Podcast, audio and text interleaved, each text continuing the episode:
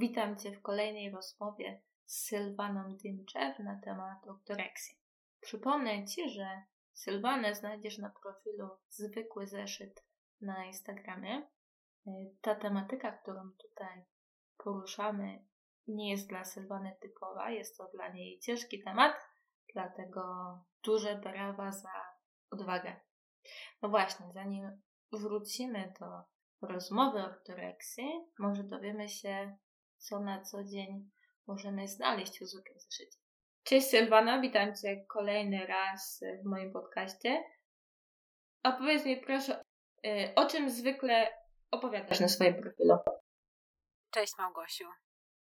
Ja prowadzę taką działalność edukacyjną w zakresie mm, od, jakby to powiedzieć, zajmuję się mm, zmianą myślenia ludzi, żeby przestali stawiać w centrum swoich zainteresowań i interesów Europę, czy też e, biały interes, a zaczęli patrzeć na życie troszeczkę innymi oczami, więc y, uczę z zakresu dekolonizacji, można to tak nazwać, a bardzo też interesuję się islamami i choć dawno bardzo nie robiłam żadnej pogadanki na tematy religijne, to jakby od tego zaczynałam. Dobrze, to dzisiaj, dzisiejsza rozmowa jest na temat ortoreksji, czyli coś totalnie nie w Twoim stylu, nie, nie Twoja tematyka i brawo dla Ciebie, że się brawo dla Ciebie, że się odważasz w ogóle mówić o tym, bo myślę, że to ciężki temat, tak tak, powiem Ci, że to nie jest łatwe, ale zdałam sobie sprawę przy naszej pierwszej rozmowie na ten temat, że tak naprawdę ja to po raz pierwszy mówię na głos poza gabinetem terapeutycznym. I to było z jednej strony przerażające, a z drugiej strony bardzo wyzwalające. Prawda? Jak się zaczyna o tym mówić na głos, więcej ludzi o tym słyszy, to jest takie poczucie większej wolności, że w końcu się to z siebie zrzuca. Dokładnie tak. E, I też takiego przerażenia, bo jak się wypowiada na głos rzeczy, które się robiło sobie, swojemu ciału, swojemu organizmowi i swojemu portfelowi też, to nagle przychodzi taka refleksja, jak ja mogłam się nad sobą tak znęcać. To były tortury. I to jeszcze w dobrej wierze, i to nakręcane bardzo mocno przez e, paradygmat e, przymusu zdrowia, tak bym to nazwała że wiesz, musisz schudnąć, bo wtedy, bo tylko szczupłe jest zdrowe i tak dalej, i tak dalej. Wiesz, ja tak sobie myślę na ten temat i to jest trochę tak jak z gotowaniem żaby. Nie wiem, czy znasz yy, Znam. tą historię. Tak, jak Znam. się, mhm. Mhm, jak się żabę wrzuci do wrzątku, to ona wyskoczy, ale jak się wodę podgrzewa powoli, to ona się nie zorientuje, się ugotuje. Mhm, dokładnie. I ja y, zdecydowanie byłam bardzo blisko wrzenia e, w tej wodzie i zdecydowanie byłam taką żabą i to nie raz, e, a przez lata, przez lata, tak, przez lata mm, różnych sposobów, technik. Ja tego nie nazywałam oczywiście dietą, bo to była cała zmiana podejścia do jedzenia, do stylu jedzenia, e, czy też stylu niejedzenia. Ale no dzisiaj, dzisiaj to akurat jest, mamy temat ortoreksyjny, więc to raczej kwestia jedzenia i przygotowywania tego jedzenia. E, no to tak, bardzo często się tam gotowałam i jeszcze nie, nawet nie wyskakiwałam, bo mi cieplutko było. Jakbym wyskoczyła, to bym przytyła. O tak, i zachorowała na coś. Mhm, na coś, na pewno. Ja mam wrażenie, że oktorekcja to jest takie właśnie gotowanie żaby, bo zaczyna się powoli od naprawdę małych zmian stylu życia, a potem człowiek budzi się w tym rządku. O ile się w ogóle y, budzi. Tak, i, i jeszcze bym dodała, że w ogóle ten, ta, ta metafora z tą żabą to jest, y, mam wrażenie, że to pasuje do większości przemocowych y, wzorców, wzorców zachowań i, i że, że w bardzo wielu takich przemocowych kwestiach możemy użyć tej, tej, tej, tego, tej metafory garnka i gotującej się żaby powoli podkręcanej, bo to dużo negatywnych y, w skutkach rzeczy zaczyna się bardzo niewinnie. I to są kwestie przemocowe w relacjach, ale to też są kwestie przemocowe w relacji z własnym ciałem czy z jedzeniem, y, że to się zazwyczaj no tak bardzo niewinnie zaczyna i i kończy się często źle. Wiesz co, ja ostatnio przeczytałam artykuł gdzieś tam chyba na pudełku. Jessica Mercedes przytyła 10 kg, tak? I ona teraz nie jest na diecie, je wszystko co chce, ale co, ćwiczy dwa razy dziennie i liczy kalorie, ale to nie jest dieta, słuchaj. Styl życia. A co to jest? A, to jest no, styl życia. chyba styl życia. To tak samo u nas było. Tak, no u nas to był styl życia i sposób na zdrowie, młodość, yy, sylwetkę oczywiście, ale to przede wszystkim chodziło o zdrowie przecież. Przede wszystkim chodziło o zdrowie, o to, że żebyśmy były zdrowe. Szczupłość to przy okazji, ale przecież zdrowie. Wiesz co, bo to jest takie, mm, tutaj z mojej, mojej perspektywy, jak to się wszystko u mnie zaczęło. Wiara w to, że jedzenie jest lekiem na wszystko i jedzenie mhm. powoduje wszystkie choroby. I człowiek Dokładnie. zaczyna w to wierzyć i wszystko, każdą dolegliwość, jaką ma, będzie łączył z jedzeniem i próbował to jedzeniem wyleczyć.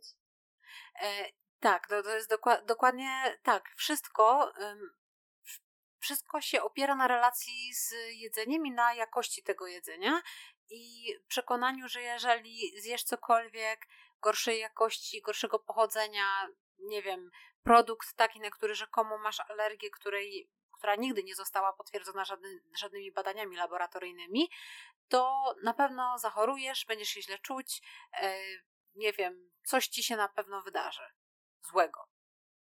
Wiesz, u mnie było łatwo w to wpaść, bo ja miałam od dziecka problemy skórne, na które nic nie pomagało. Lekarz też powiedział, że na to nie ma lekarstwa, to będzie zawsze wracało. Więc jak ja zaczęłam słuchać tych wszystkich specjalistów od medycyny naturalnej i słuchać, to wiesz, to była książka po książce, wykład po wykładzie, jeden spec po następnym, jeden lekarz po, i drugi lekarz. I tak wiesz, powoli, powoli człowiek to wpadał i zaczynał wierzyć, że tylko jedzeniem to wyleczy. A potem się okazywało, że jedzenie jednak to jest za mało, bo to jedzenie nasze jest całkowicie bezwartościowe. Trzeba nakupić wór suplementów. No ale potem człowiek kupił. O, ale oczywiście, że kupił. A... No, tylko że dalej nie działa, więc coś musi być nie tak. Ciągle muszę jeść to, co nie trzeba. Ja też miałam całą całą, e, wiesz, cały, cały koszyk suplementów miałam oczywiście chlorella, spirulina, jakieś kropelki na um, redukcję obrzęków um, limfatycznych, o tak to się nazywało, obrzęki limfatyczne miałam, bo jadłam za dużo nabiału. Um, tak, autentycznie to były, wiesz, diagnozy z, powiedziane na oko. Mm, co, co tam jeszcze, jakie, jakie tam jeszcze rzeczy były? E, aha, e, w pewnym momencie też usłyszałam, że na pewno mam robaki, więc jakiś z zielarskiego sklepu jakiś syropek na pasożyty, który trzeba było pić i jeszcze wszystkich domowników tym uraczyć, bo przecież na pewno wszyscy mają pasożyty.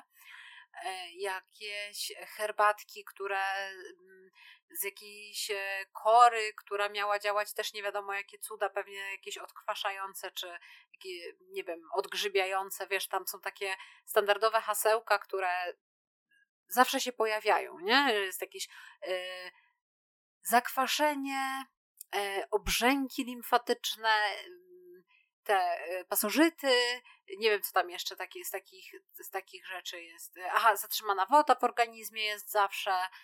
No i takie, to są takie hasła i instant porady właśnie suplementacyjne bez uprzednich jakichkolwiek badań.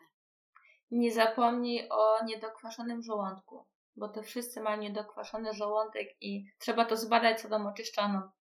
Musisz mi, e, e, musisz mi o tym opowiedzieć, bo mnie to chyba ominęło, dlatego że ja tylko pamiętam, że kiedyś e, jedna z dietetyczek zaleciła mi właśnie ten test odbicia sodą oczyszczoną, ale ja pomyślałam, że to jest przegięcie i to już było na takim późniejszym etapie, taki, że to już było parę dobrych lat tej mojej ortoreksji i wtedy już zaczęłam powoli odpuszczać.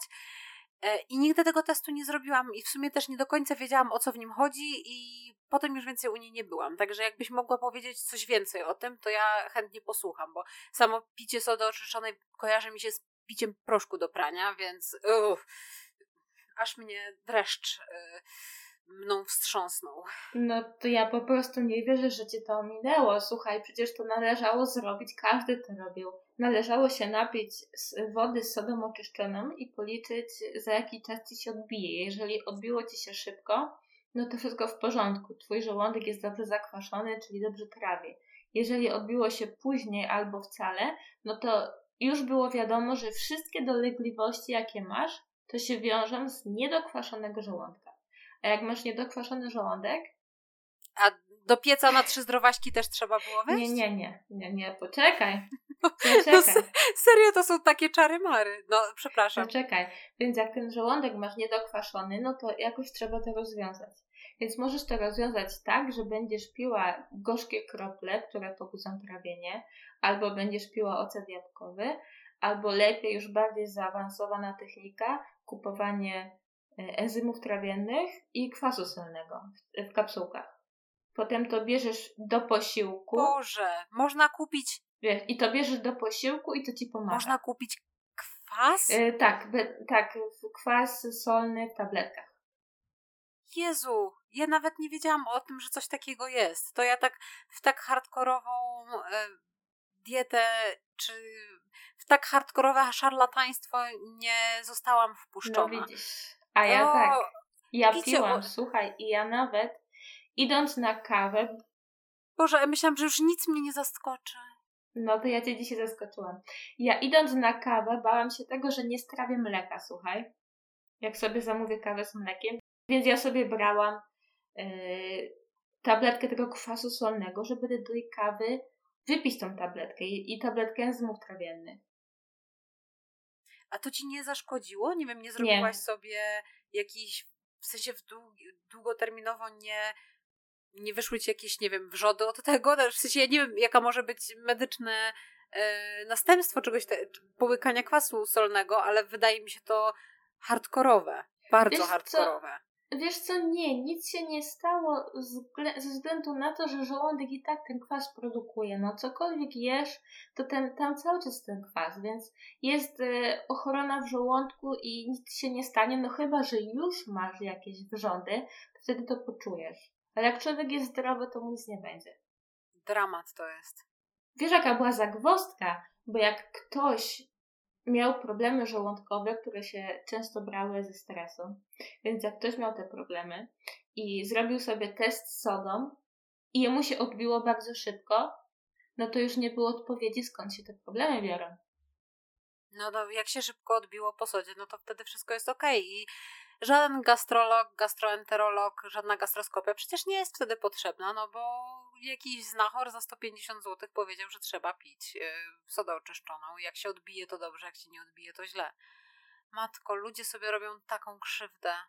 My sobie robiłyśmy taką krzywdę. A myślałyśmy, że robimy dobrze. No dokładnie, myśmy myślały, że wszystkiego złe pozjadałyśmy. Przecież to mhm. było już tak, że próbujesz tą dietę, próbujesz, odstawiasz kolejny produkt i tak jak u mnie z problemami skórnymi, te problemy nadal wracają. Czyli co, ja powinnam odstawić jeszcze więcej? Już, już nic nie powinnam mieć, o samej wodzie żyć.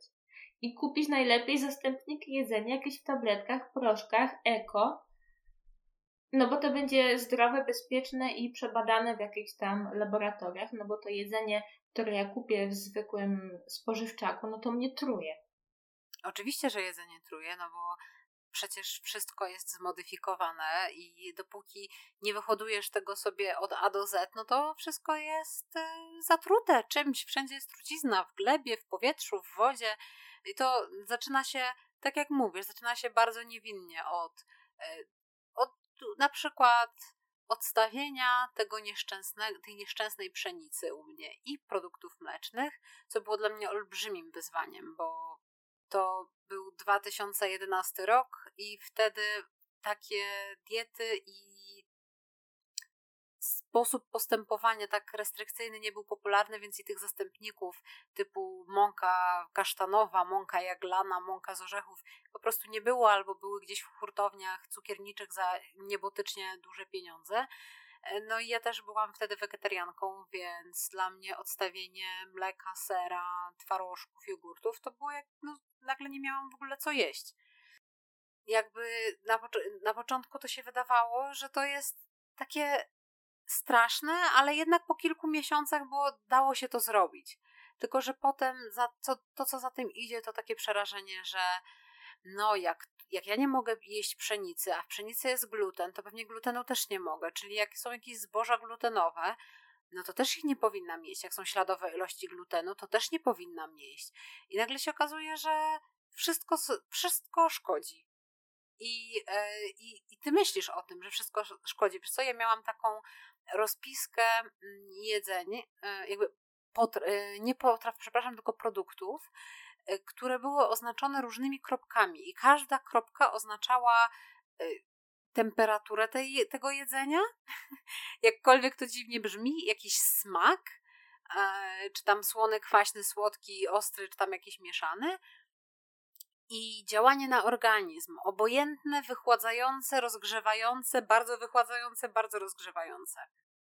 I ja pamiętam, że ja tak się przestraszyłam mrożonek, które no, w takim okresie zimowo-jesiennym e, są e, dla studencką kieszeń jedyną opcją, żeby zjeść jakieś w miarę okej okay warzywa, e, że one mnie wychłodzą, nawet jeżeli ja je upiekę, że ja po prostu przestałam je jeść. Ja do dzisiaj, jak widzę w sklepie mrożonki, to mi się od razu pokazuje ta tabelka w głowie, mimo że już dawno, dawno, dawno porzuciłam myślenie o jedzeniu takie myślenie o jedzeniu.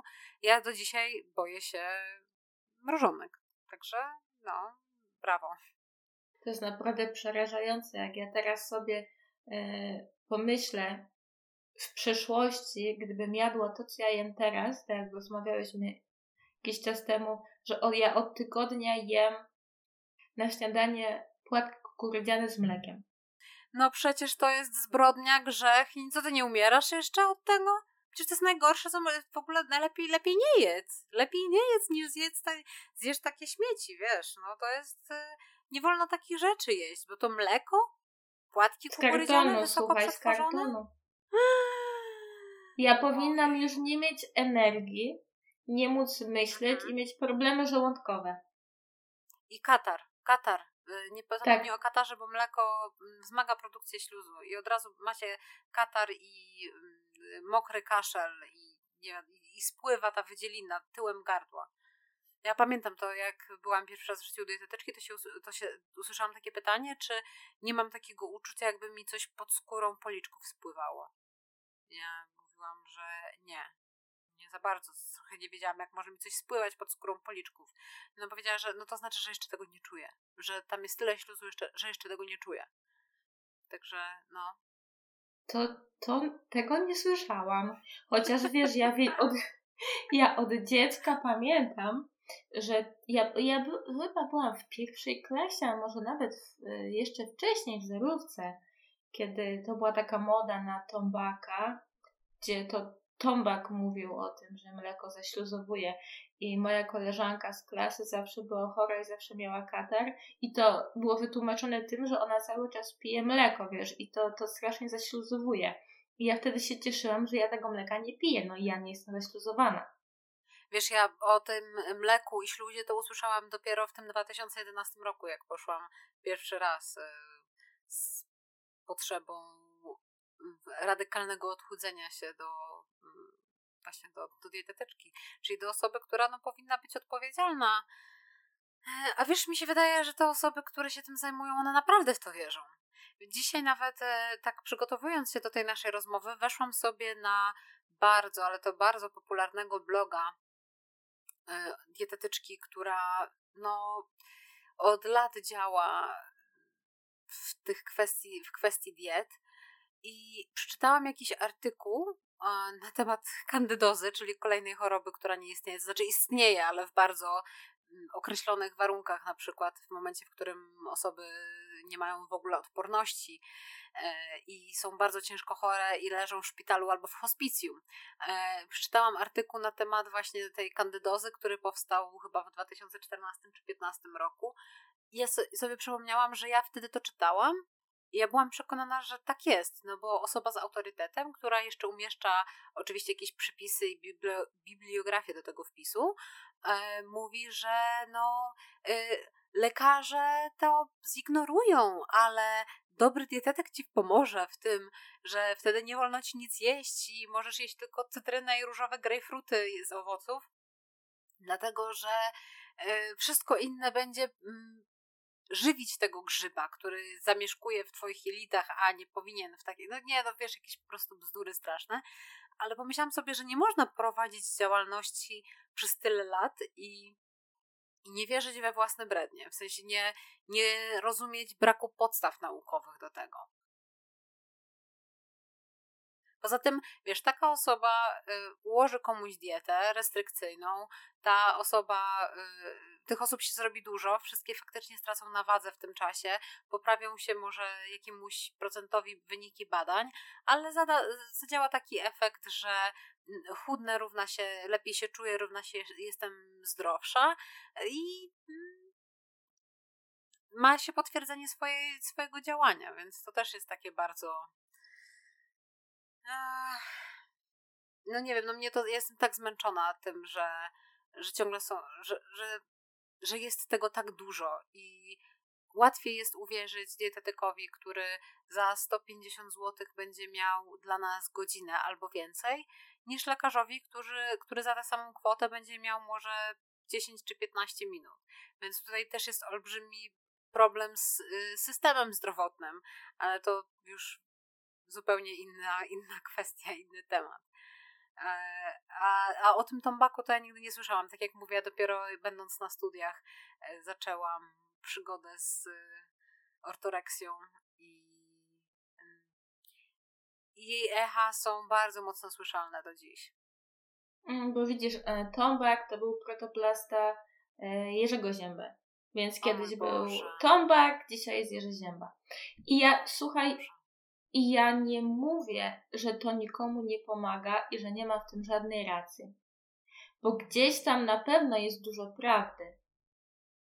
Tylko, że jest to w jakiś taki sposób stosowane, że człowiek naprawdę zaczyna się bać podstawowych produktów żywnościowych i zaczyna mieć obsesję na ten temat.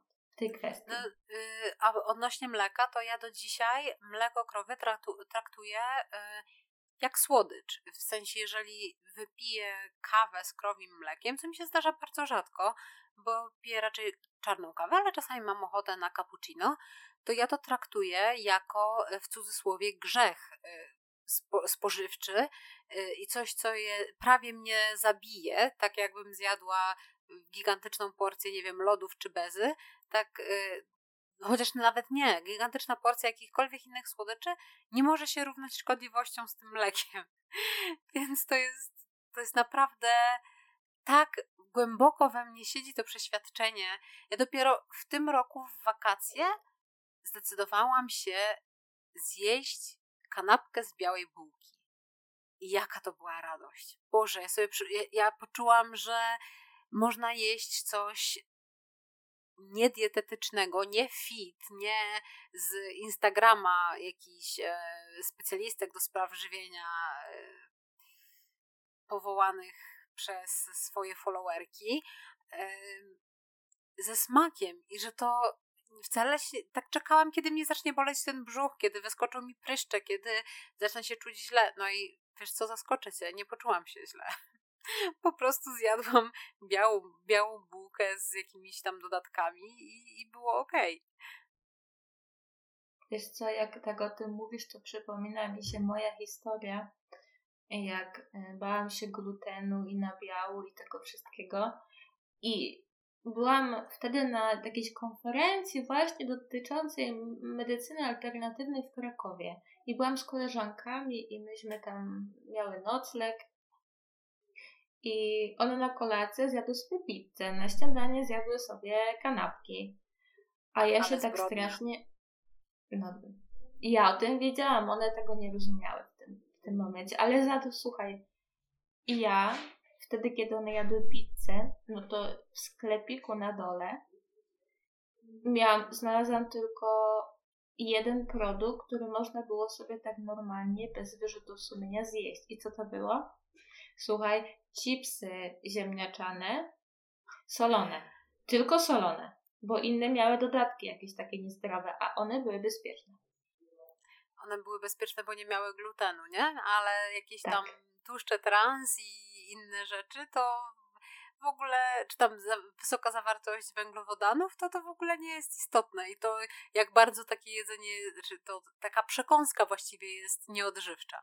E, to, ale to ja po prostu, ja to wszystko znam i też, też robiłam sobie takie rzeczy. Też uważałam, że lepiej jest nic nie zjeść, niż zjeść coś, co jest na liście zakazanych produktów.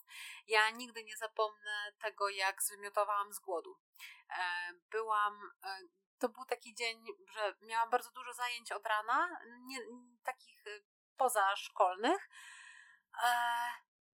Byłam Wstałam i rano i byłam najedzona jeszcze z poprzedniego dnia. Jakoś zupełnie nie miałam apetytu, więc tylko się napiłam jakiejś herbaty i y, poszłam do swoich zadań i gdzieś tam w trakcie, e, będąc jeszcze daleko od domu, y, zrobiło, zrobiło mi się niedobrze. Jakoś tak, że czułam się słabo, zaczęłam być głodna, ale nie miałam nic do jedzenia. To była niedziela. Ja, y, tak jak mówię, to był 2011 rok. Niedziela, żadnych e, fit bezglutenowych miejsc na mieście, nic z tych rzeczy, a jeszcze musiałam w piekarni cukierni odebrać tort. I stojąc w, te- w tej kolejce, w tej piekarni cukierni, było mi już tak niedobrze, już tak się źle czułam, a wokół pieczywo, kanapki, y, oczywiście masa słodyczy, ale też normalne, takie normalne rzeczy odżywcze typu właśnie no kanapka jakaś do zjedzenia, ale wszystko z pieczywa wiadomo pszennego.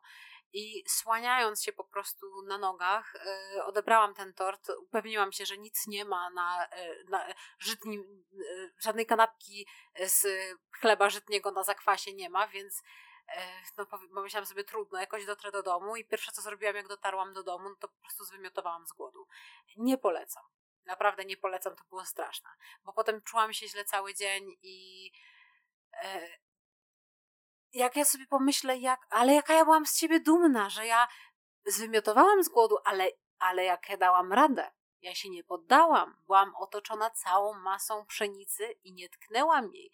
Wolałam zwymiotować z głodu i potem leżeć cały dzień z olbrzymim bólem brzucha i bólem głowy i no, czując się totalnie, totalnie, totalnie źle. Ale robiłaś to w dobrej wierze, prawda? Tak, bo przecież gdybym tylko zjadła coś pszennego, to ja bym od razu spuchła, przytyłabym i w ogóle całe miesiące ciężkiej pracy, ciężkich wyrzeczeń i mm, uważania na to, żeby przypadkiem nie zjeść jakiegoś owoca po 15, poszłyby się kochać i byłyby nieważne zupełnie przecież.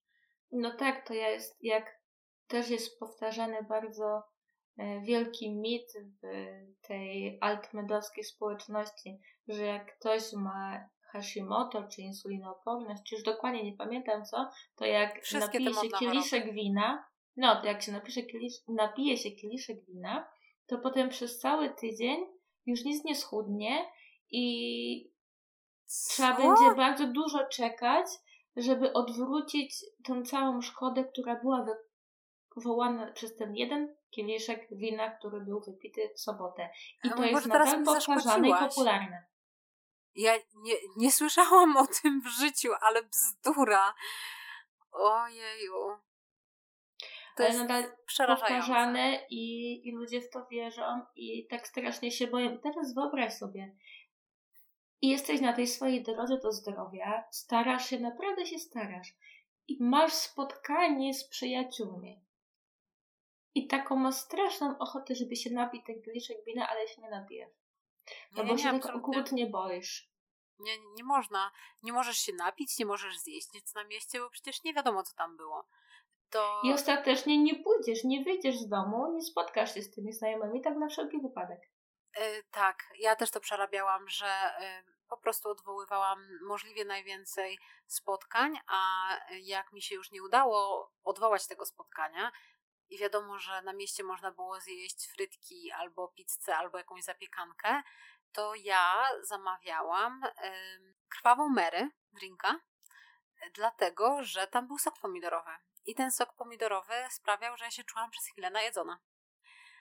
Y, I to, był, to była moja kolacja. A przy okazji sobie mawiałam, że to jest taki, no, najzdrowsza opcja z tych wszystkich alkoholi, bo nie jest to z kolą, ani z żadnym słodkim sokiem, tylko z sokiem pomidorowym, który nie ma dosypanych cukrów i no, ja wychodzę z tego zdrowsza.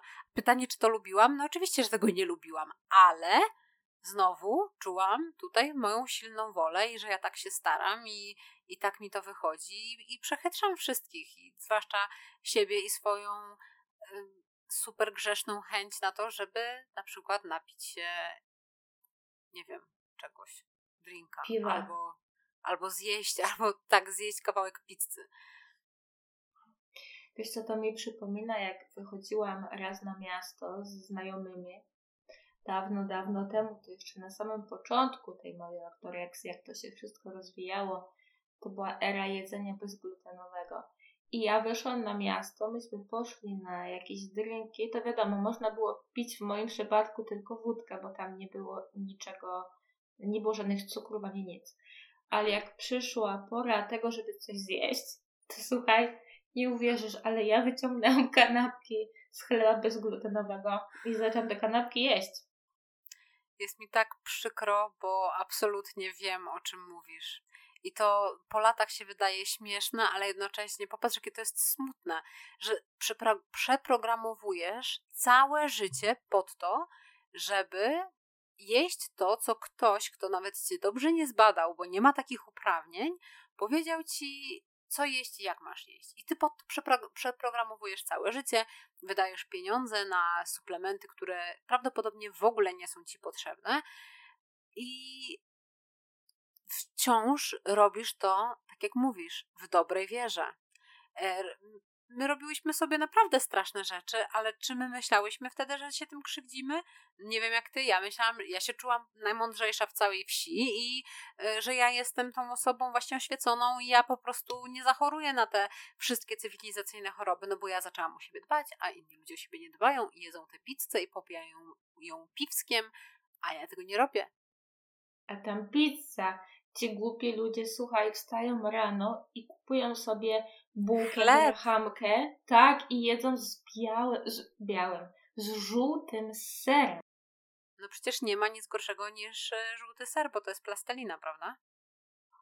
No i biała bułka, która została genetycznie zmodyfikowana, ta pszenica. I tak, gluten, i to działa na mózg, i niszczy mózg, i, mhm. i, I oczywiście razu... się tyje, i jest cukrzyca. Jak tylko połkniesz białą bułkę, to na ci od razu robi dziury w jelitach bo ten no gluten tak. tak cię zakleja od środka, że po prostu od razu. Dokładnie. I słuchaj, taki etap przychodził, że ja szłam do sklepu i przynosiłam do domu całą torbę jakiegoś tam jedzenia, ale nie było nic do jedzenia. No bo jak tam była jakaś fasola czy coś w tym stylu, to wszystko trzeba było dopiero ugotować. I budził się człowiek rano no i jadł zupę z dnia poprzedniego, no bo ona była z jakiejś tam soczewicy, czyli była bezpieczna. Tak, no, że ja akurat y, zupa na śniadanie to jest y, coś, co ja praktykuję do dzisiaj, dlatego że po prostu lubię śniadanie na ciepło i y, to jest coś, co mi wchodzi po prostu, niezależnie od zaleceń dietetycznych, ale wiem, że są osoby, które po prostu w życiu by czegoś takiego nie tknęły rano, bo po prostu yy, ale robią to dlatego, że y, ktoś tak im kazał, bo to jest bezpieczne, bo to coś tam. E, ja mi się, jak mówiłaś o tym, o tym, e, o tej konferencji, co jadłaś chipsy ziemniaczane tak. solone, tak. bo to były bezpieczne, to mi się z kolei przypomniało, jak jechałam do Warszawy mm, i zabrałam, jechałam pociągiem i zabrałam sobie do tego pociągu obiad. Y, I na ten obiad składał się y, pieczony strąg z warzywami i, i ja go jadłam w przedziale. I po prostu musiałam go zjeść, bo się do Warszawy jechało prawie 8 godzin ja już byłam taka strasznie głodna, to była jedyna rzecz, którą ja mogłam zjeść, to bo przecież kanapek nie wezmę, no bo nie ma żytniego chleba w piekarni. Co innego mogę zjeść? No z suchymi waflami ryżowymi też się nie najem. I mi było tak głupio, bo ten cały przedział, ja czułam, jak to wszystko śmierdzi tą rybą. I... Ale to, to no musiałam, no co innego mogłam zrobić? To przecież musiałam coś zjeść podczas tak długiej podróży. E, nie szkodzi, że po prostu zasmrodziłam cały przedział i no biedni ci ludzie, co ze mną jechali, na szczęście było tylko oprócz mnie dwie osoby i to mimo, że to było lato, to nie było aż tak strasznie gorąco. Ale ja cię podziwiam, że ty się nie bałaś chleba żytniego. Nie, nie bałam się, bo y, zostało mi powiedziane, że mi, mi nie szkodzi y, gluten, tylko pszenica. Bo to pszenica jest tym złem, bo ma najwięcej tego glutenu. Poza tym kiedyś była niska, dzisiaj jest wysoka, więc to znaczy, że jest genetycznie zmodyfikowana i to na pewno oznacza, że będę świecić w ciemności i dlatego pszenica jest zła. Ja absolutnie nie tknęłam pszenicy, ale za to kupowałam y, taką prastarą odmianę Mm, orkiszu świętej Hildegardy. Gdzieś tam to kosztowało 10 zł za kilogram. Ja to zamawiałam. Boże, co to jest? Bezpieczna odmiana pszenicy, słuchaj, która nie powoduje celiaki ani żadnych chorób związanych z jedzeniem glutenu.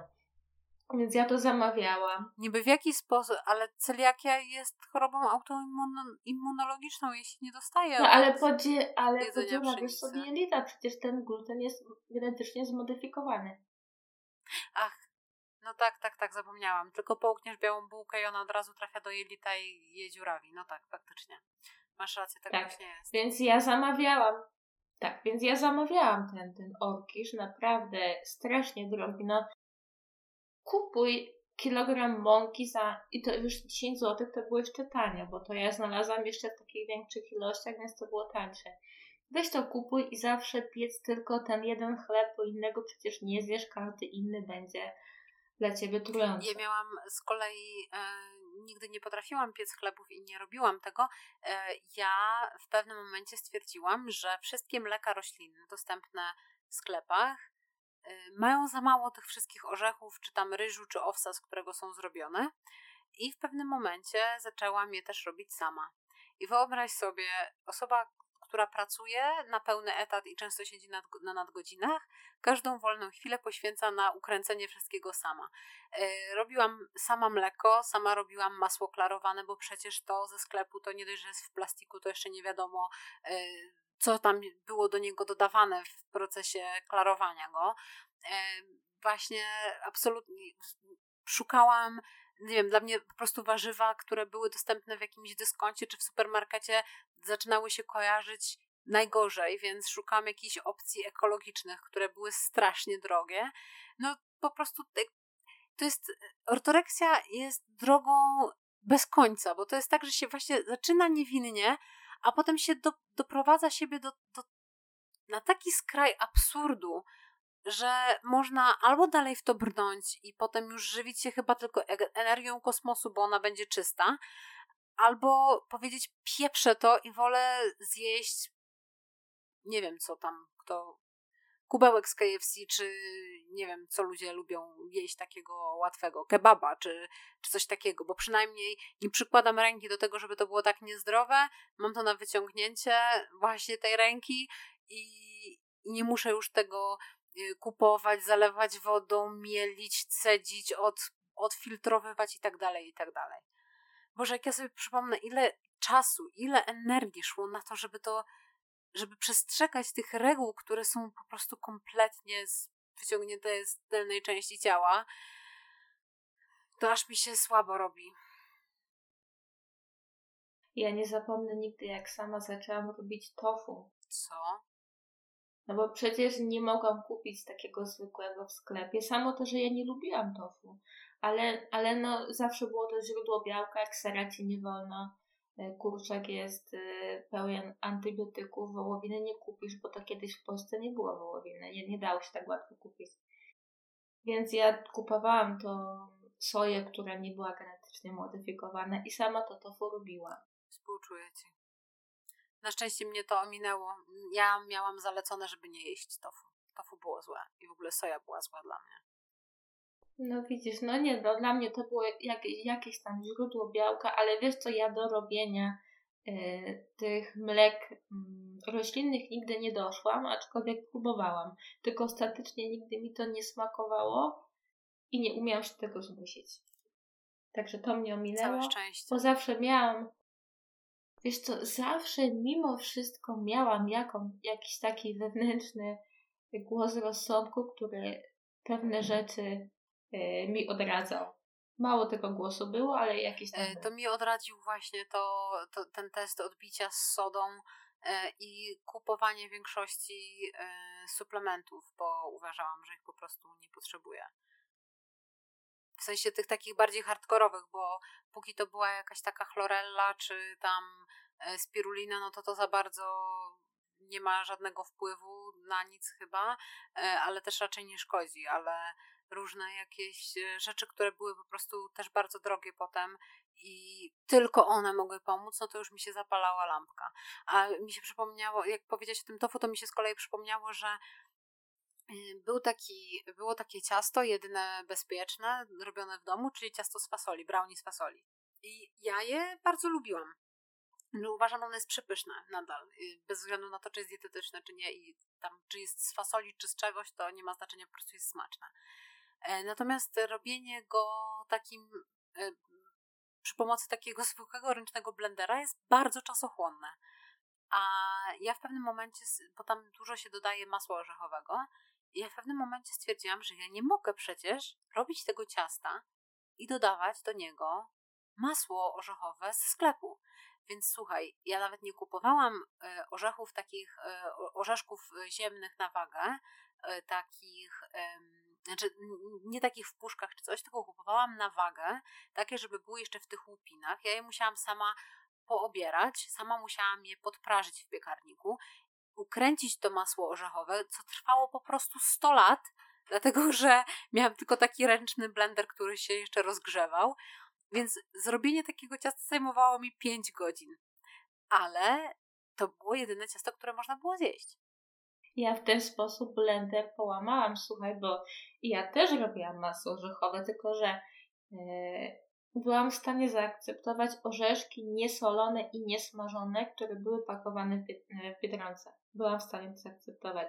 Ale dwa blendery zepsułam w ten sposób, próbując robić to masło. Ja na szczęście ten blender, ten blender, który mm, wtedy, nad którym wtedy tak się pastwiłam, to e, działa do dzisiaj, natomiast y, tego czasu, który spędziłam nad e, super zdrowym i super nieprzetworzonym brownie z fasoli, no nikt mi nie odda. E, całe szczęście, że robiąc je oglądałam jakieś seriale, przynajmniej mogłam robić łączyć rozrywkę z obowiązkiem zdrowego odżywiania się.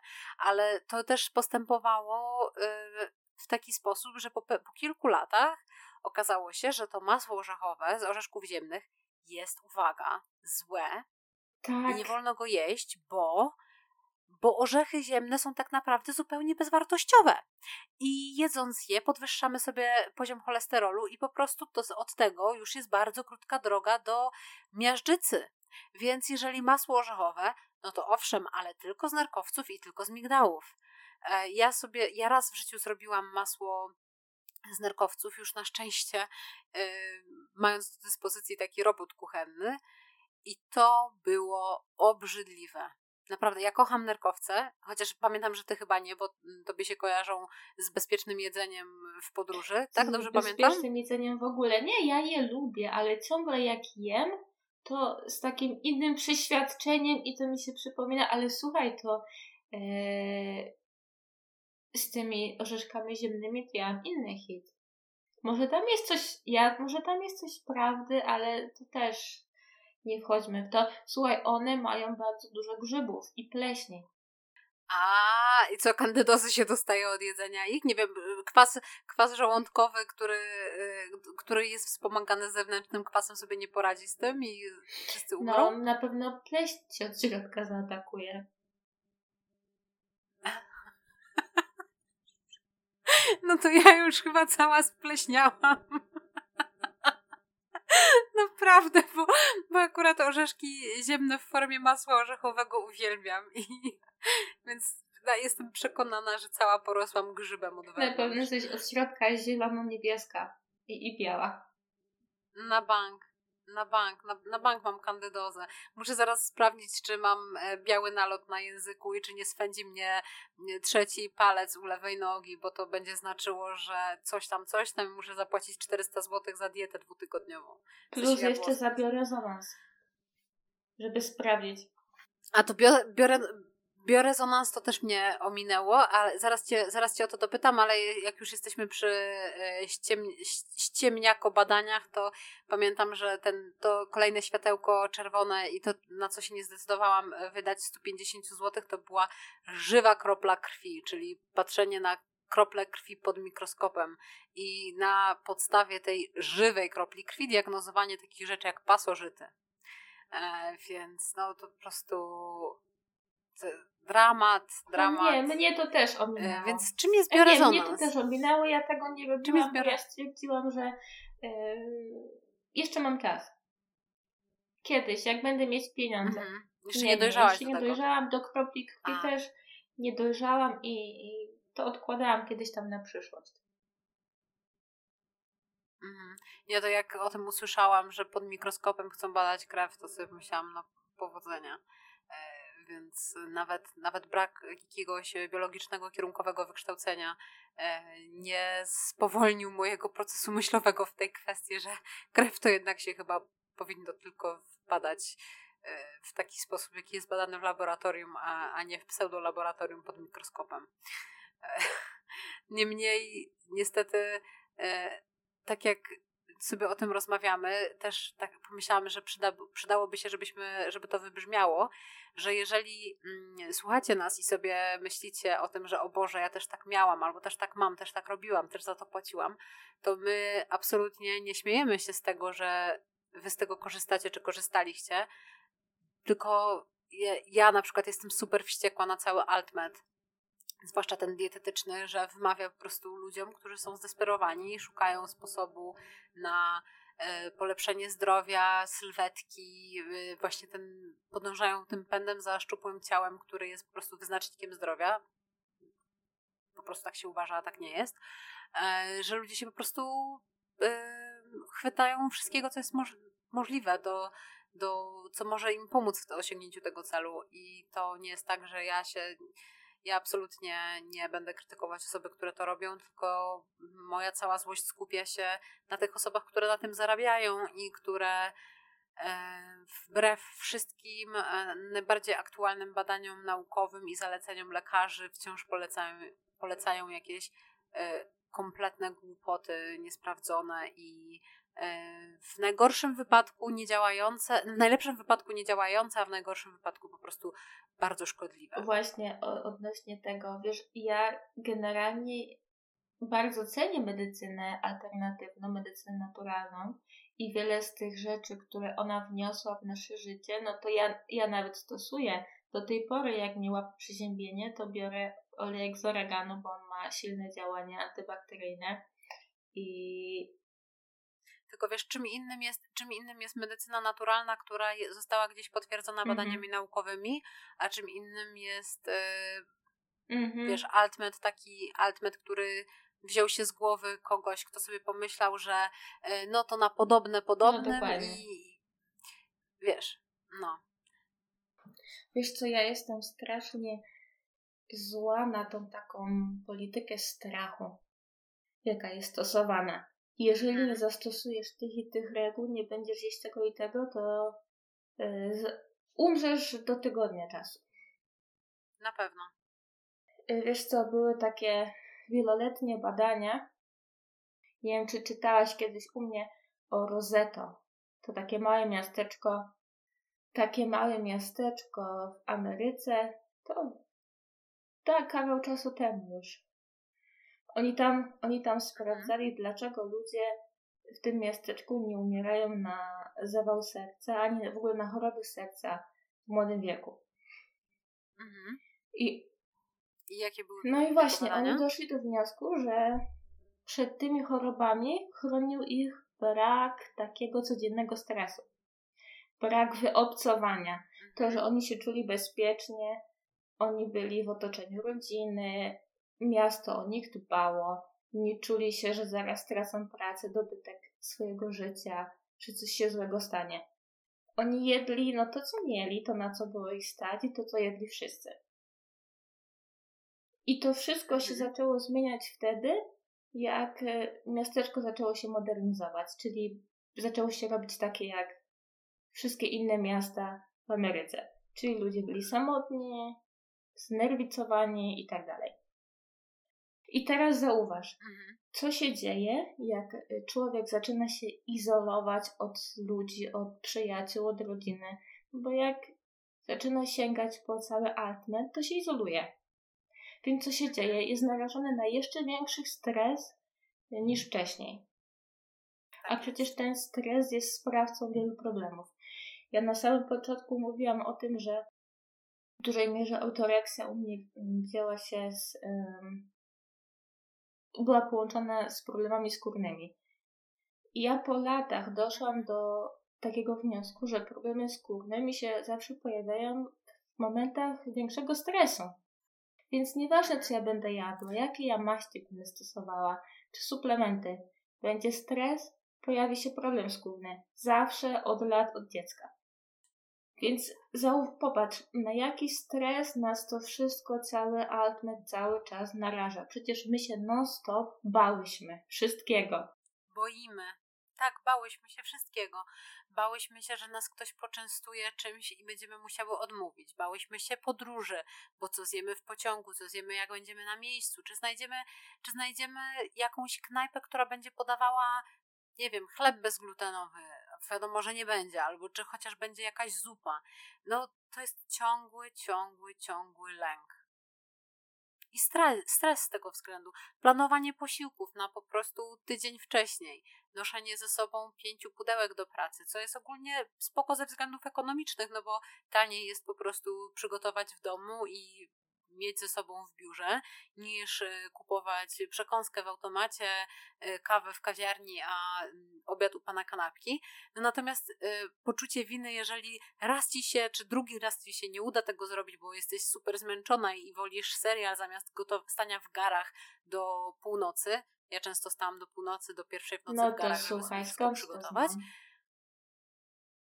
No, to jest to, to poczucie winy jest niebotyczne, a potem jesz te, ten obiad z paczki, który mógłby być pewnie nawet smaczny, bo jest tam na przykład kawałek y, mięsa, jakaś kasza gryczana, sos i surówka z kapusty kiszonej, ale ty wiesz, że to było przygotowywane w warunkach przemysłowych i to na pewno jest złe, na pewno jest tam cukier albo gdzieś obok leżało coś, co na pewno to tym skaziło i posiłek jest nie dość, że drogi, to jeszcze niepełnowartościowy i ty jedząc go zatruwasz się. No i ty cały czas żyjesz w tym stresie. I ten obiad przecież nieraz naprawdę nie chciało się wstawać. Człowiek się nie wyspał, ale wstawałam o czwartej nad ranem, żeby udało mi się chleb upiec albo dogotować ten obiad, żeby miała co jeść. Więc się nie wyspałam. Wiadomo, człowiek niewyspany jest bardziej głodny, zestresowany dopalasz się wtedy byle czym, więc e, tym byle czym będzie na przykład batonik, czekolada, którą, na którą wcale nie masz ochoty, ale myślisz sobie, że hmm, padam na gębę, to może sobie zrobię zastrzyk z czystego cukru i może się poczuję trochę lepiej. E, tylko, że to jest totalnie bez sensu i błędne koło i zaprzeczenie temu, że wstajesz o tej czwartej, czy jak ja po prostu nie spałaś, nie spałam do, do pierwszej czy do drugiej, bo siedziałam w garach. Autentycznie po prostu gotowałam sobie jedzenie na następny dzień i to wymagało ode mnie tego, żebym w tych garach sterczała długo.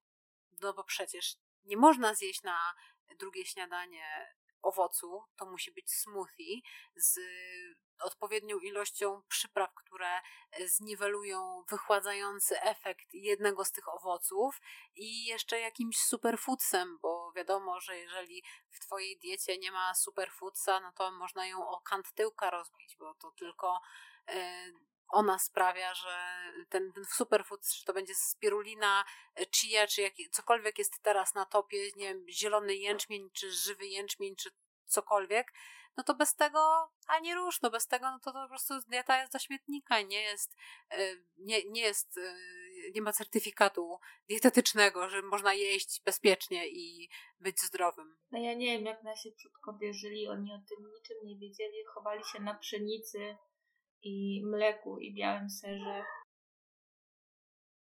Nie wiem. I nie jedli No. regularnie. I umarli. No właśnie, Popatrz, umarli. umarli. Tak z tymi szczepionkami, nie? Że wszystkie, wszystkie dzieci, które na początku XX wieku były zaszczepione na gruźlicę, już nie żyją. No i to jest dowód na nie. To, to jest, wiesz, to, to opary absurdu, ale jakie prawdziwe. I dobrze, że dzisiaj możemy się z tego śmiać i mam nadzieję, że jakakolwiek mm, nauka przyjdzie y, z naszych fatalnych doświadczeń, które, no nie wiem jak tobie, mi rozwalił się metabolizm od tego wszystkiego, bo to była ciągła huśtawa, bo w takim, w takim reżimie się nie da żyć. I nie da, by, nie da się być spokojnym. No wyobrażasz sobie, kładziesz się do łóżka, myślisz sobie, mogę iść spać i nagle masz takie Boże, nie zrobiłam tego i tego, albo jutro będę do dziewiętnastej poza domem, a mam tylko drugie śniadanie i co ja zrobię, co ja zjem? Nie no, chyba będę się głodzić. Nie no, może po prostu wypiję tak dużo wody, tak dużo kawy albo tak dużo herbaty, yy, żeby nie czuć tego głodu i przyjdę wieczorem i coś zjem. I wiesz, i to jest tyle lęku zupełnie, zupełnie niepotrzebnego, tyle stresu, podczas kiedy można by było naprawdę zupełnie inną drogą starać się poprawić jakąś swoją relację z jedzeniem. Ale ja to całkowicie rozumiem. Przecież to było myślenie o jedzeniu non-stop. Cały dzień. Nie Non-stop, było innego non-stop. ważnego tematu. To był jedyny słuszny temat. Takie, nie wiem czy też tak miałaś, ale ja się zawsze zastanawiałam, czy jak ja zjem coś takiego zakazanego w, w moim jadłospisie, to co ja mogę zrobić, czego mogę się napić, co mogę zjeść, e, czy mm, ile, ile razy mam zrobić pompki, e, żeby, żeby się tego pozbyć z mojego organizmu. Więc oczywiście jakieś e, mm, zioła różne, moczopędne, żeby nie, nie spuchnąć, bo przecież e, obrzęki to moje drugie imię.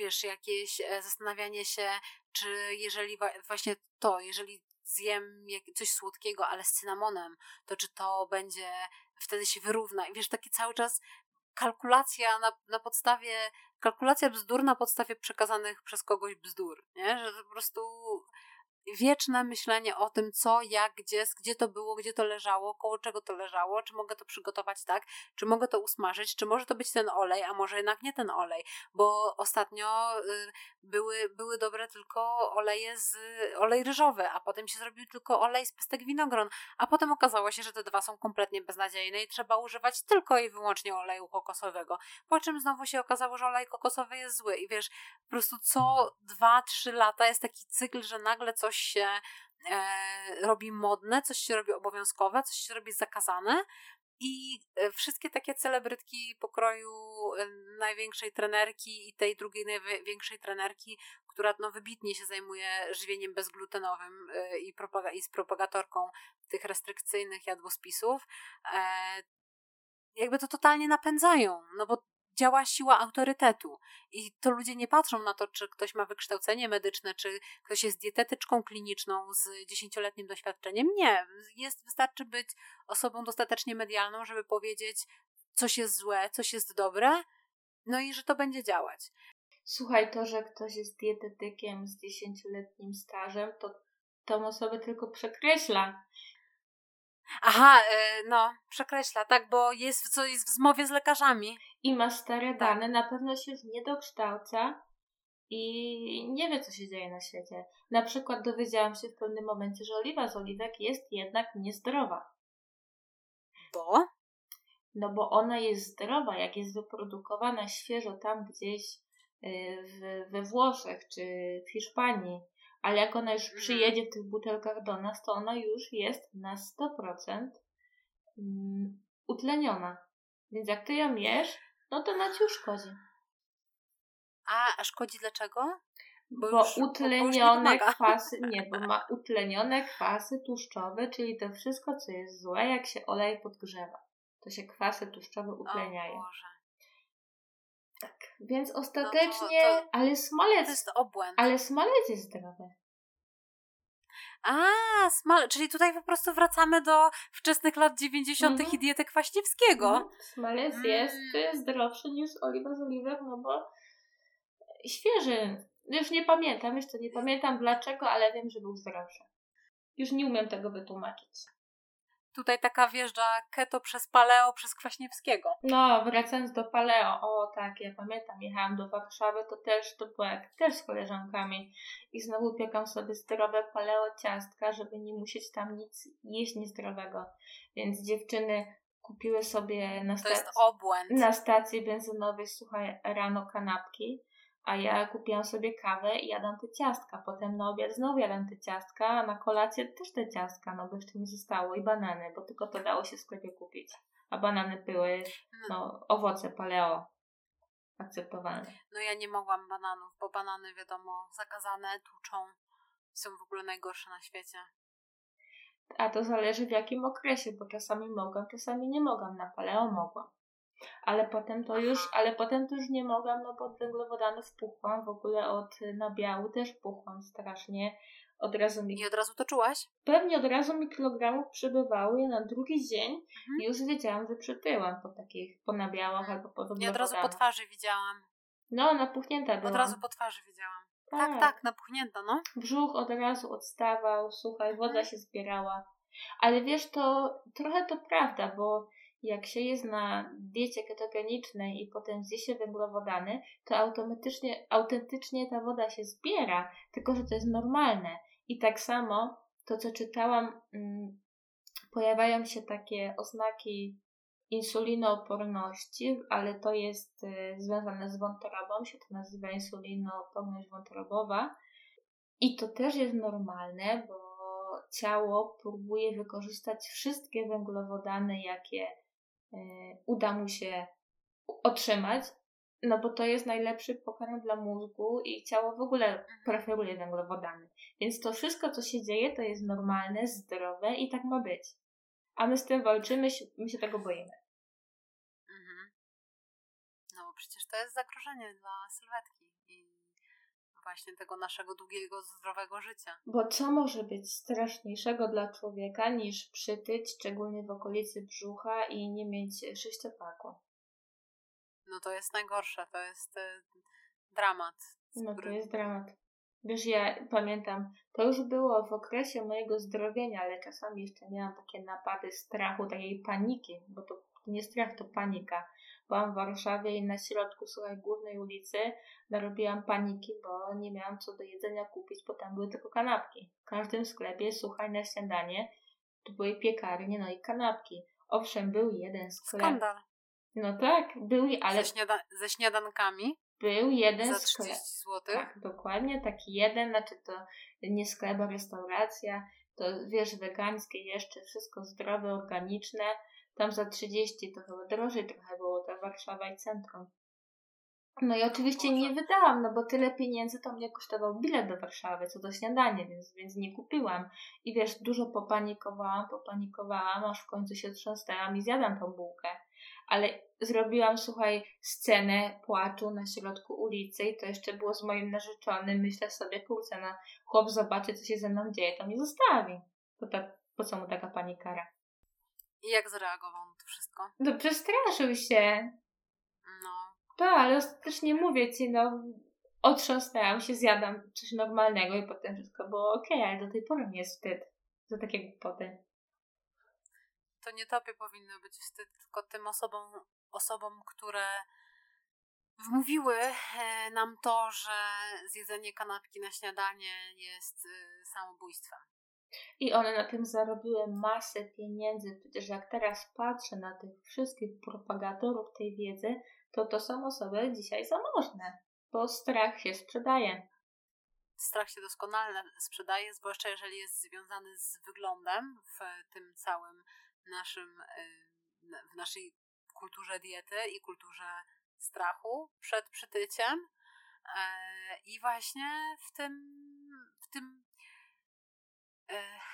tej konieczności bycia zdrowym. że musisz być zdrowa, musisz być zdrowy, bo jak nie, no to na ciebie idą nasze podatki i w ogóle wejść się w garść grubasie, nie? To są najczęstsze takie komentarze, które się pojawiają, jak gdzieś tam ktoś w cudzysłowie promuje otyłość, nie? że Mhm. oczywiście mamy prawo do tego, żeby powiedzieć, że ktoś jest za gruby i obrzydliwy i w ogóle nie wiadomo jaki jeszcze, dlatego, że y, z, jak jest się grubym, to jest się chorym i na chorych idą nasze podatki i oni chorują z naszych podatków i jada, jada, jada w tym kierunku idzie, nie? No tak, bo dbanie o zdrowie to jest y, najwyższa cnota, jak to jest, Szczupłość. No to, ale to jest je- jedno z drugim, słuchaj, no bo Tak, tak, tak. W- Wiesz co? Yy, Nie wiem, czy ty miałaś taki etap diety surowej. Nie, e, to jest kolejny, ten, kolejny moment, w którym e, czerwona latar, e, latarka, czerwona lampka mm, zaczęła mi wyć e, i ja na szczęście miałam e, przegrza, e, przechłodzony organizm, więc też nikt we mnie nie wmuszał tej surowej diety, ale słyszałam, o to jest ta głodówka jakiejś tam pseudodoktor, nie. coś, tak? Że warzywa się nie, jej to owoce? są dwie różne. Głodówka, no to doktor Dąbrowskiej to leczenie wszystkich chorób, ale dieta surowa to jest jedna naczelna propagatorka diety surowej w Polsce, bardzo znana też. Sprzedaje suplementy i radzi na każdą, na każdą możliwą chorobę ma jedzenie i suplement. I ja tej diety surowej próbowałam, ale wytrzymałam dwa dni i dalej tego się nie dało ciągnąć, bo mi było tak strasznie zimno. I ja pomimo, że zjadłam sporo, to ja byłam taka W naszym głodna. klimacie dieta No ale surowa. słuchaj, tu jest, jest niedorzeczne. bo ona tłumaczyła, to wiesz, to była starsza pani, już dawno po menopauzie. I ona tłumaczyła, że no tak, przez kilka pierwszych lat będzie ci zimno, ale potem się przyzwyczai organizm. Przez kilka pierwszych lat. O mój Boże, no tak, no oczywiście, no.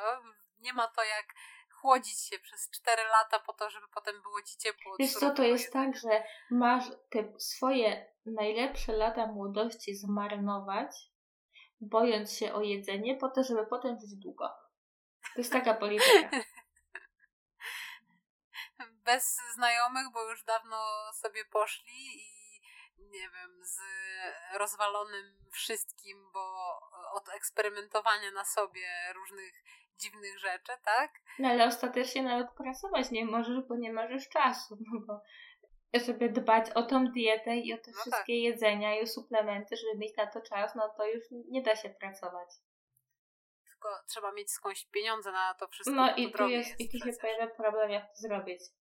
Ale tutaj wielu ludzi znalazło na to sposób, po prostu zaczyna robić biznes w tym kierunku, tak? Więc wtedy już tym wszystkim żyje, no robi pierogi z mąki kasztanowej i wmawia ludziom, że to jest jedyna e, zdrowa opcja dla człowieka, bo inaczej to roztyje się i będzie chore. Jest dziurawymi No oczywiście, że tak, a potem wyprodukuje masę suplementów i zacznie to tym znerwicowanym ludziom sprzedawać. I zrobi na tym biznes życia. I tak się dzieje. Y, Powołując się na badania y, wątpliwych instytutów lub badania, y, które są, nie mają żadnej Ale po co ci badania? No nie, no, no tak, tak, bo zawsze jest, ten, zawsze jest ten argument jeszcze o Big Farmie, która zbija pieniądze na tym, że ludzie są chorzy i lekarstwa są na wyciągnięcie ręki, bo są w naszym spożywczaku, aż do momentu, w którym się okaże, że w tym spożywczaku to jednak te wszystkie warzywa są zatrute metalami ciężkimi i ich też nie można jeść. Potem trzeba jeść tylko te produkty z ekologicznych upraw, które są gdzieś daleko i, i tak dalej, i tak dalej. Wiesz co, jak ja sobie przypomnę ten okres takiej tej najbardziej przemyślanej diety, to ja się wcale dobrze nie czułam z tym wszystkim, bo ja ciągle byłam głodna, ciągle byłam nieusatysfakcjonowana i to, z czym walczyłam, to się raczej nasilało, bo ja i nie miałam energii, gdzie ta dieta miała mi dodać energii. I nie miałam takiego, wiesz, czystego myślenia, żeby się na tym dobrze skupić i wykonać to zadanie, bo ja cały czas myślałam o jedzeniu. I to była taka mgła mózgowa, i to zmęczenie. I to wszystko mi przeszło, kiedy ja sobie z tym zda- dałam spokój. Czyli jak zaczęłam stosować te wszystkie niezdrowe rzeczy, których tak strasznie się bałam, to u mnie się to wszystko w końcu uspokoiło i zaczęłam się czuć normalnie.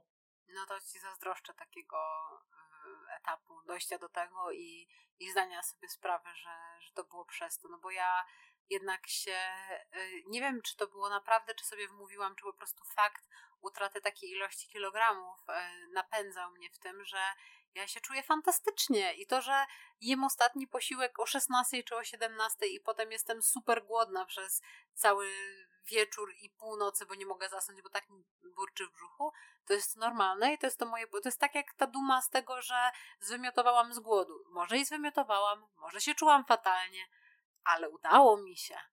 Trzymam się zaleceń y, moich dietetycznych i jestem silna, mam silną wolę i nie jestem żadną miękką fają i po prostu daję Wiesz, ja po prostu po latach mam już od, mogę się odnieść do samopoczucia w danym okresie.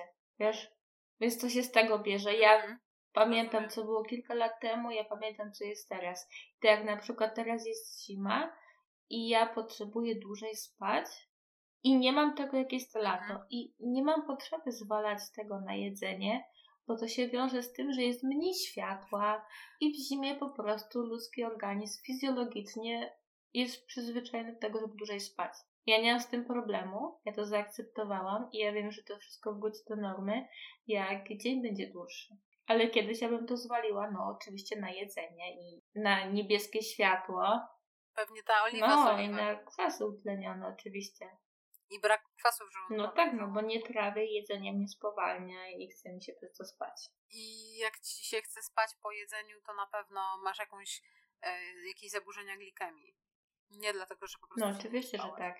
A w ogóle to o insulinooporności ja um, trochę na ten temat poczytałam i jest to coraz więcej badań pokazuje, że duży związek ma ze stresem, z tym jak ludzie dzisiaj żyją, są cały czas zestresowani. To było badane w Azji, gdzieś u Chińczyków chyba, czy u Japończyków, nie pamiętam już dokładnie. To samo też było na szczurach badane.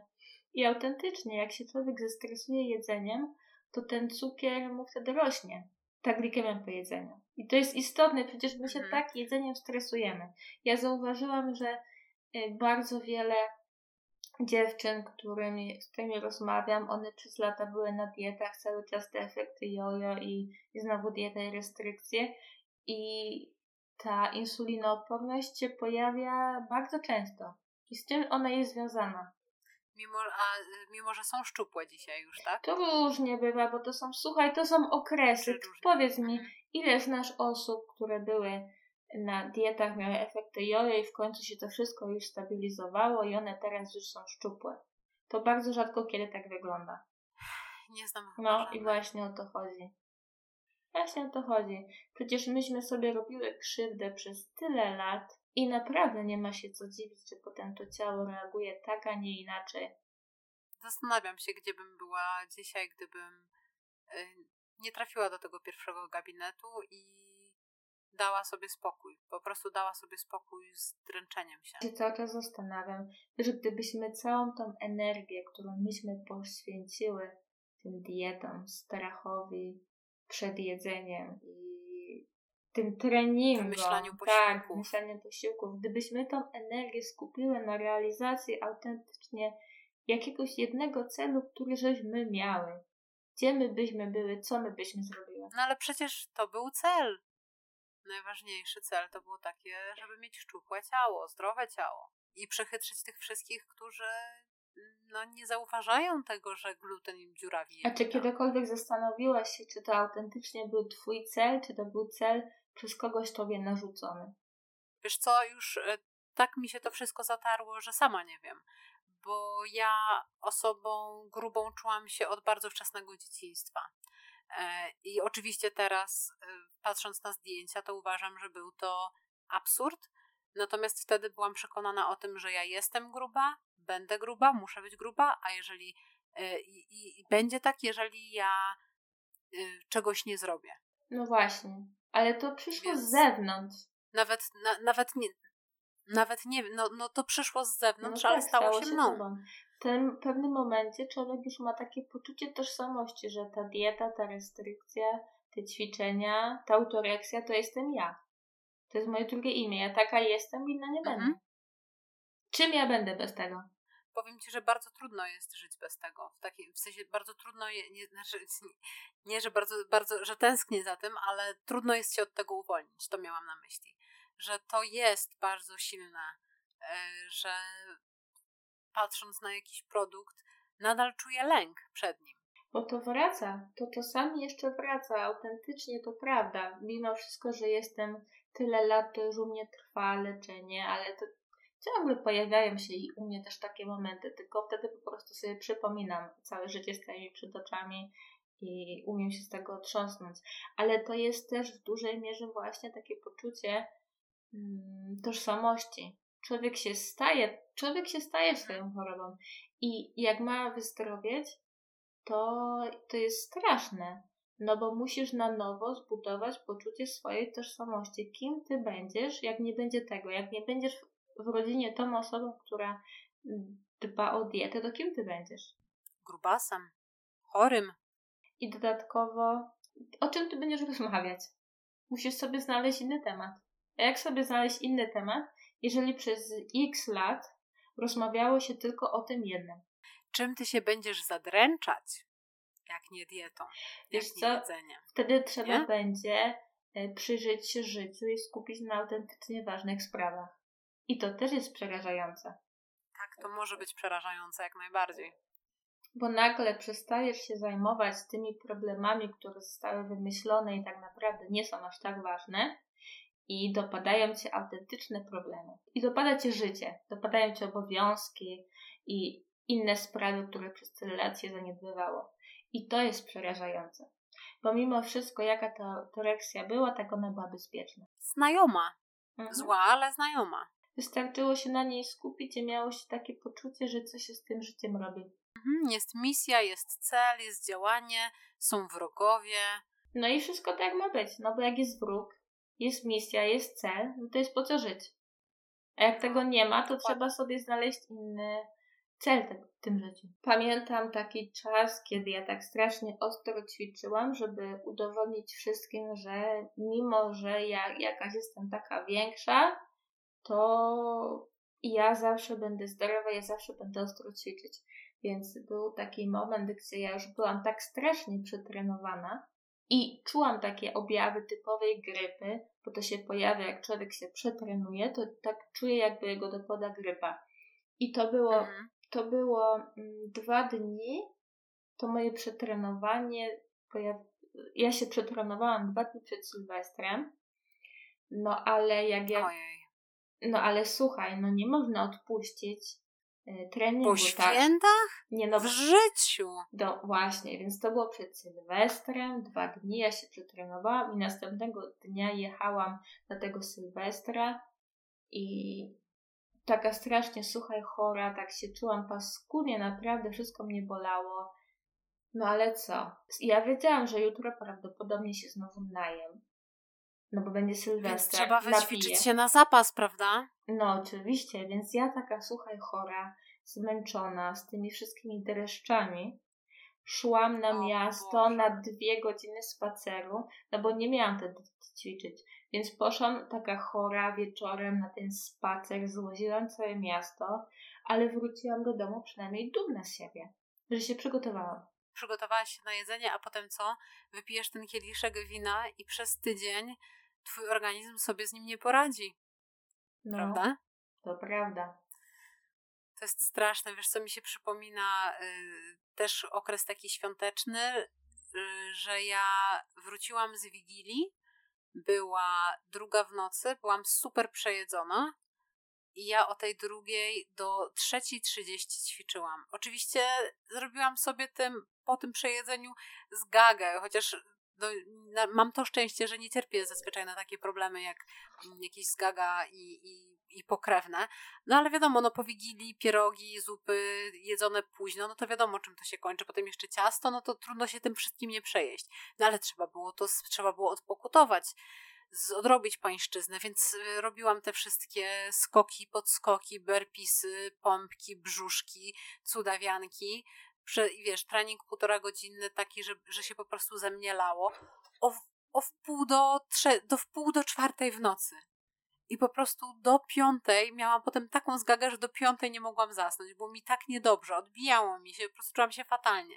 Ale pomyślałam, że taka jest właśnie cena. Jak się przejesz i potem musisz poćwiczyć, no to to jest po prostu konsekwencja e, twojej niekonsekwencji dietetycznej, więc cierp ciało coś chciało. Zasłużyłam sobie na to. I ja nie zliczę, ja pamiętam też, jak pracowałam fizycznie, byłam kelnerką e, w bardzo, bardzo dużej restauracji, która się mieściła w takim w takiej hali, która kiedyś była magazynem, więc ona była olbrzymia. E, ja tam dziennie robiłam od 10 do 15 e, kilometrów dziennie dlatego że to było tak dużo, ja pracowałam każdego dnia 12 godzin, więc po prostu od samego chodzenia y, kuchnia, sala, mm, stoliki, sala, kuchnia, y, to po prostu się nabijały te kilometry. I ja zazwyczaj pracowałam od 11 do 12, w sensie od 11 rano do 12 w nocy. E, I po y, szłam do pracy, miałam 45 minut spacerkiem w jedną i w drugą stronę, więc szłam do pracy, szłam z pracy na nogach i dodatkowo po zakończonej zmianie szłam gdzie? Na całodobową siłownię. No nie Bo jeszcze po, po tym wszystkim musiałam sobie, przecież to nie jest trening. To jest po prostu, to jest moja praca, nie? Trzeba po prostu poćwiczyć jeszcze, bo bez tego ćwiczenia ja na tych e, pracowniczych obiadach, na które składało się e, jedzenie z tej restauracji, które no było zazwyczaj z półproduktów jakieś mrożone, no nic, nic zdrowego. No ale to trzeba, nie mogłam jeść nic innego, więc no skoro nie mogę zadbać o jedzenie w tym konkretnym momencie, no to muszę chociaż zadbać o to, żeby się po prostu zajechać na tej siłowni. Więc często było tak, że po pracy szliśmy jeszcze na drinka, a po tym drinku o godzinie pierwszej szłam jeszcze na mocną godzinę na siłowni, po czym szłam 45 minut do domu. I jak ty się potem budziłaś następnego dnia i szłaś do pracy? Mm, wiesz co, chyba Chyba tylko dlatego, że byłam o jakieś 8 lat młodsza i e, czułam, że, te, że to jest doskonałe to, co ja robię, że ja mogę się tym chwalić, że to jest właśnie dbanie o siebie. Dupa, a nie dbanie. To było zajeżdżanie się. To było totalne zajeżdżanie swojego organizmu. No, jakiś super trudny trening e, tabata w środku nocy? No przecież to jest chore. No ale wiesz, to musiałam, y, y, nie, nie mogłam zjeść sobie kaszy z soczewizą na obiad, tylko jadłam na przykład no makaron, no to trzeba ten makaron jakoś odpokutować, prawda? No tak, to najgorsze jedzenie na świecie, co możesz jeść, makaron. No, makaron i jeszcze często tam był ser, albo jakiś kawałek pizzy. No kto to widział takie rzeczy, żeby coś takiego jeść? No to jeżeli już to jesz, jeżeli jesteś na to skazana, no to chociaż musiałam, musisz się wykazać na siłce, więc ja się wykazywałam. Tuż przy pracy miałam całodobową siłownię. I y, przez ten czas, kiedy tam pracowałam, a to było parę miesięcy, mogę policzyć chyba na palcach jednej ręki, ile razy po pracy nie poszłam na siłownię. I jak sobie o tym myślę, to się wcale nie dziwię, że jak skończyłam pracę, to miałam przez długie miesiące uraz do treningów. Po prostu mi się zarąbiście nie chciało nic ćwiczyć. Nawet rozciągnąć mi się nie chciało. To jest całkiem normalne. Wiesz co, ja też pamiętam taki okres, kiedy studiowałam dziennie i też miałam normalną dzienną pracę i wtedy jeszcze się odchudzałam, więc musiałam sobie ugotować te wszystkie pięć posiłków dziennie. No jeszcze miałam w pracy karnet na siłownię, który był tańszy, no bo oni robili dopłaty do tego karnetu. Więc naprawdę zostawało bardzo mało czasu na sen i nieraz trzeba się było obudzić dwie godziny wcześniej, żeby zdążyć jeszcze obiad sobie ugotować, dogotować tą ciecierzycę, dopiec chleb, bo się nie, nie dało rady dzień wcześniej, bo się trzeba było jeszcze uczyć egzaminu. I ja, dobrze, ja wtedy byłam młodsza, teraz bym nie, nie, nie dała rady, absolutnie. Ja teraz też bym nie dała rady, nie ma mowy, po prostu jeżeli ja mam wybierać, czy gotuję sobie. Y, no, teraz pracuję z domu już prawie rok, więc trochę teraz jest inaczej. Ale no, cofnąć się o ten rok chociażby, kiedy jeszcze chodziłam do biura, to jeżeli ja miałam wybrać, czy ja będę stała w garach do 12, czy pójdę spać, albo chociaż się położyć, nie wiem, czytać, robić nic, gapić w ścianę, po prostu odpoczywać, no to ja bym wybrała jedzenie od pana kanapki na następny dzień, żadne stanie w garach i gotowanie. Dzisiaj bym zrobiła to samo. Ja bym zwyczajnie poszła spać. Nikt by mi nie kazał zarywać I to jest mądre. tak. Nie, ile, ile tych nocy było zerwanych na gotowanie? W sensie mogłam się położyć o 10.30, o 11.00, ale nie. Stałam w garach i robiłam sobie śniadanie, drugie śniadanie, podwieczorek, a to będę wracała później, no to jeszcze sobie kolację zrobię. Rany, teraz to mi się znowu przypomniało. Słuchaj, ostatnio w moim życiu dieta, na jakiej byłam, takie poważne odchudzanie. I ja pracowałam tak, że żeby dojść do pracy, to musiałam jechać autobusem, potem metrem, a na to wszystko to się składało za każdym razem w jedną stronę około 40 minut e, chodzenia. I potem praca też była na stojąco. Ja potem wracałam tak samo, tą samą drogą. No ale co? To była dieta, więc rano trzeba było wstać i jeszcze poćwiczyć. Oczywiście na głodniaka, bo, bo nie dopowiedziałam, że skoro dieta, no to trzeba zjeść mniej i do tego to jeszcze u mnie akurat był ten post przerwany, więc ja rano do którejś tam godziny nie jadłam. I jak ja sobie rano poćwiczyłam... Co to jest post przerwany? Y, to ten intermittent fasting, gdzie jesz tylko w oknie żywieniowym przez kilka godzin, a potem przez gdzieś tam 16-20 godzin nie jesz nic, tylko pijesz. O Boże, to też mnie ominęło. No, ale to jest teraz nowość, jak o tym mówisz, to, to nowość. Te... Ostatnie kilka teraz lat. jak o tym mówisz, teraz jak o tym mówisz, to w sumie ja na studiach, y, jak E, jeśli miałam wieczorem zajęcia, no to ja też jadłam ostatni posiłek gdzieś o 15, 16, a potem jak wróciłam do domu o 20, no to już można było się tylko herbatki napić. Więc w sumie taki trochę post właśnie. No, nieświadomy Boże.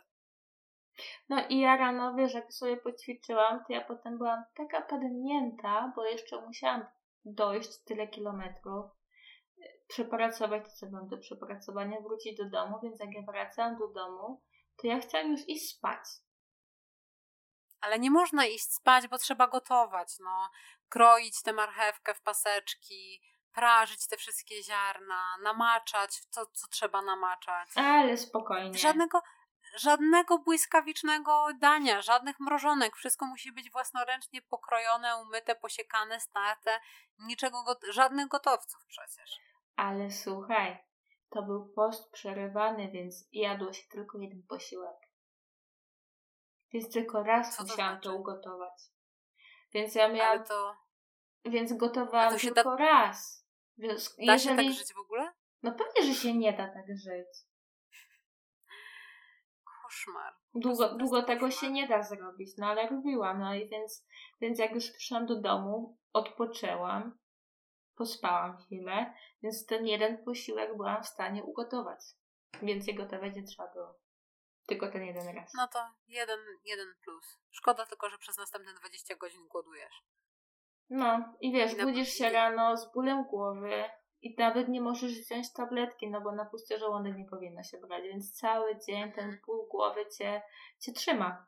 Jej, ludzie, ludzie, którzy to słuchacie, uczcie się na naszych błędach. Naprawdę, my możemy się podśmiechiwać z tego, ale to jest straszne. W sensie ja, dla mnie to jest taki sposób na radzenie sobie z tym, bo jak, jak zdejmę ten filtr y, śmiechu pobłażliwego z y, samej siebie, to jest mi tak cholernie przykro, że tyle czasu, tyle lat, tyle nerwów, tyle pieniędzy poświęciłam na coś, y, co może nie jest moje, może jest moje, nie wiem. Y, natomiast na pewno nie przyniosło mi to żadnych długofalowych pozytywnych skutków. Wiesz co, właśnie i tak jak się mówi, że yy, nie żałuje się przyszłości, bo się wyciągnęło z niej lekcje, ale ja bardzo żałuję, bo to mi było niepotrzebne. Ja nie potrzebowałam tych lekcji. Wolałabym, żeby tego po prostu nie było. Żeby gdzieś tam w młodszym wieku, yy, żeby mnie, to mi się w ogóle nie przytrafiło i żebym się skupiła na totalnie czymś innym. Też bym chciała y, nigdy nie dostać y, lekcji pod tytułem jesteś odmieńcem, bo jesteś gruba. Dzisiaj patrząc na zdjęcia, wiadomo, jest inaczej. E, inaczej o sobie sądzę w tamte, ale wtedy byłam o tym przekonana. Ja miałam to I bardzo samo. Się, I bardzo, delikatnie mówiąc, bardzo się nie lubiłam. I niestety ta antypatia do samej siebie ciągle we mnie jest. Jest i długo I będzie. Myślę, że ja się jej w ogóle nie pozbędę, tak? Wydaje mi się, że ona po prostu czyha tylko na jakiś e, słabszy moment i um, co jakiś czas podnosi łeb i wtedy przejmuje nade mną całkowicie kontrolę i wysysa każdą najmniejszą i największą radość y, życia. Bo sprowadza mnie tylko i wyłącznie do mojego cielesnego wymiaru, które nie mieści się w większości ubrań pomiędzy y, M a XL w sklepowym wydaniu. Wiesz co, to się zmieni, bo w pewnym momencie dojdziesz do wniosku, że nie jesteś dłużna nic nikomu i będziesz na tyle zuchwała, żeby żyć swoim życiem. Ale to potrzeba czasu, żeby to zrozumieć. I żeby się przestać nienawidzić. No dokładnie. Bo to do tego się sprowadza. Trzeba być na tyle zuchwałym, żeby powiedzieć sobie, ja też mam prawo żyć taka, jaka jestem i będę robić to, co chcę robić i nikt nie ma prawa mi nic powiedzieć. I ja chyba na dzisiaj na tym bym skończyła, bo mhm. ja wydaje, wydaje mi się, że wszystko, co pamiętałyśmy, tośmy obgadały, a jak się nam coś przypomni, to po prostu nagramy jeszcze jeden odcinek, bo to jest temat, który się nie kończy. Najwyżej tak zrobimy, no. Dziękuję Ci bardzo jeszcze raz za zaproszenie mnie. Ja Ci dziękuję za to, że dołączyłaś, bo to jest naprawdę wartościowa rozmowa i naprawdę mam nadzieję, że ludzie, którzy tego słuchają, ciągną wnioski i zapali się im w głowie jaka, jakieś światełko i przemyślą sobie to, co się dzieje. Ja też mam taką olbrzymią nadzieję. I mam też, wiesz co, nadzieję, że osoby, które do tego wszystkiego namawiają, też sobie to przemyślą, jakie to szkody wywołuje. Chciałabym, żeby tak się właśnie wydarzyło, żeby ludzie to zrozumieli. Dobrze, to dziękuję Dobrze. Ci. Dziękuję Ci za rozmowę. Dziękuję bardzo. I do usłyszenia. Dziękuję. No, do usłyszenia. Pa.